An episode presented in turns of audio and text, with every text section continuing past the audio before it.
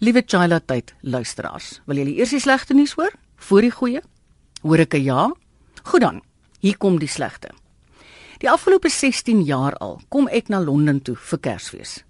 Die redes vir so 'n uitspattige vakansie is kompleks, veral van 'n gesoute groene wat heeldag uitvaar teen mense se onbedinkte koolstofvoetspore. Hoekom bly ek tuis nie?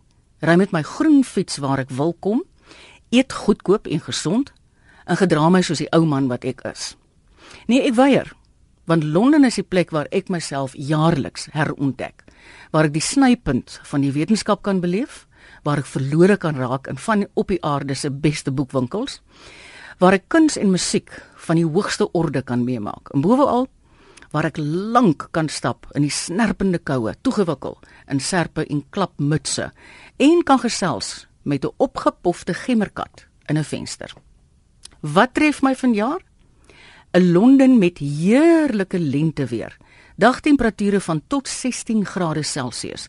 Afodille in volle blom. Perfekte rose aan die stokke en kersiebome in bot. Noord van Londen stort orkaan Frank tot 1/3 van die jaarlikse reënval per dag op 'n reeds versadigde landskap. Mense pendel werk toe in bote, brûe lê aan flarde en noodtoestande by die dosyne in elke county.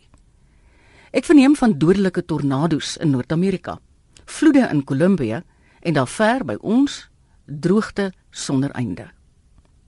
Vir die eerste keer in my lewe beleef ek die aarde in desperate opstand teen ons gruwelike misbruike.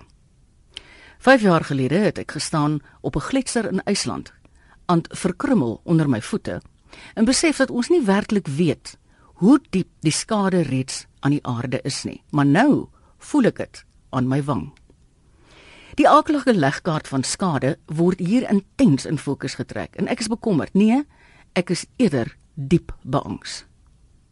Al die goeie voornemings by die onlangse klimaatkongres in Parys, die vreugdekoor, die gesamentlike ondernemings blyk eenvoudig te laat te wees.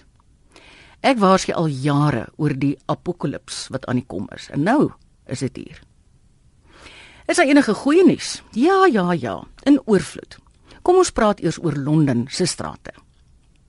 Toegegee, dis vol verstikkende verkeer, dieseldampe, geluide sonder ophou. Hierdie stad slaap nooit nie. Maar kyk van nader en jy sien die toegewyde fietsbane. Plekke waar jy jou elektriese motor gratis kan herlaai en in Oxfordstraat daai muurnes kan jy nou 'n trapfiets huur of met 'n fiets driewiel pendel teen 'n fraksie van die koste van 'n tradisionele taxi. Kyk na die vullisdromme. Elk is duidelik gemerk met die inhoud: organies, glas, sigaretstompies, metaal en papier. Gaan kyk maar binne, die inhoud is ook tematies korrek. Maar veel meer. Daar's dromme vir skoene en klere vir die armes. Houers vir boeke en CD's vir liefdadigheid. Meeste van Londen se wêreldklas museums het gratis toegang met slegs 'n kollektebusie by die ingang. Besoekers skenk ruim net vir die voorreg om soveel rykdom te beleef. Gister was ek by die Science Museum, spesifiek om die uitstalling oor ons verkenning van die ruimte te sien. My asem is eenvoudig weggeslaan met die oorweldigende rykdom van die vertoning. Goddard se eerste vuurpyl, Apollo ruimtetuie, 'n kry superrekenaar, Frank Whittle se eerste turbine enjin, 'n maandlandingtuig. Stap verder verby die rocket, die heel eerste stoomtrein, 'n primitiewe atoomoorlosie. Dis 'n vertoonkas van die mens se verstommende breinkrag en innovering. En net daar, tussen die skare kom ek tot die besef. Dieselfde hand wat 'n onskuldige man onthoof voor 'n TV-kamera, wat vroue en kinders slaan, wat 'n dier seermaak, wat die aarde verniel. Hierdie hand is tot net soveel goedheid in staat. Dis die hand van Rembrandt, dis die hand van Einstein, dis die hand van snydokters wat jou genees. Miskien het die tyd aangebreek tussen al die ellende dat ons mekaar se hande vat en ons gedeelde menslikheid herontdek. As jy iemand aan die hand vat, is hy of sy skielik nie meer die abstrakte jihadis nie. Maar iemand wat liefhet, vrees en hoop. In my hart weet ek dat ons die aarde kan red. Nie net met tegnologie nie, maar met selfrespek, respek vir ander en met ons gesamentlike menslikheid.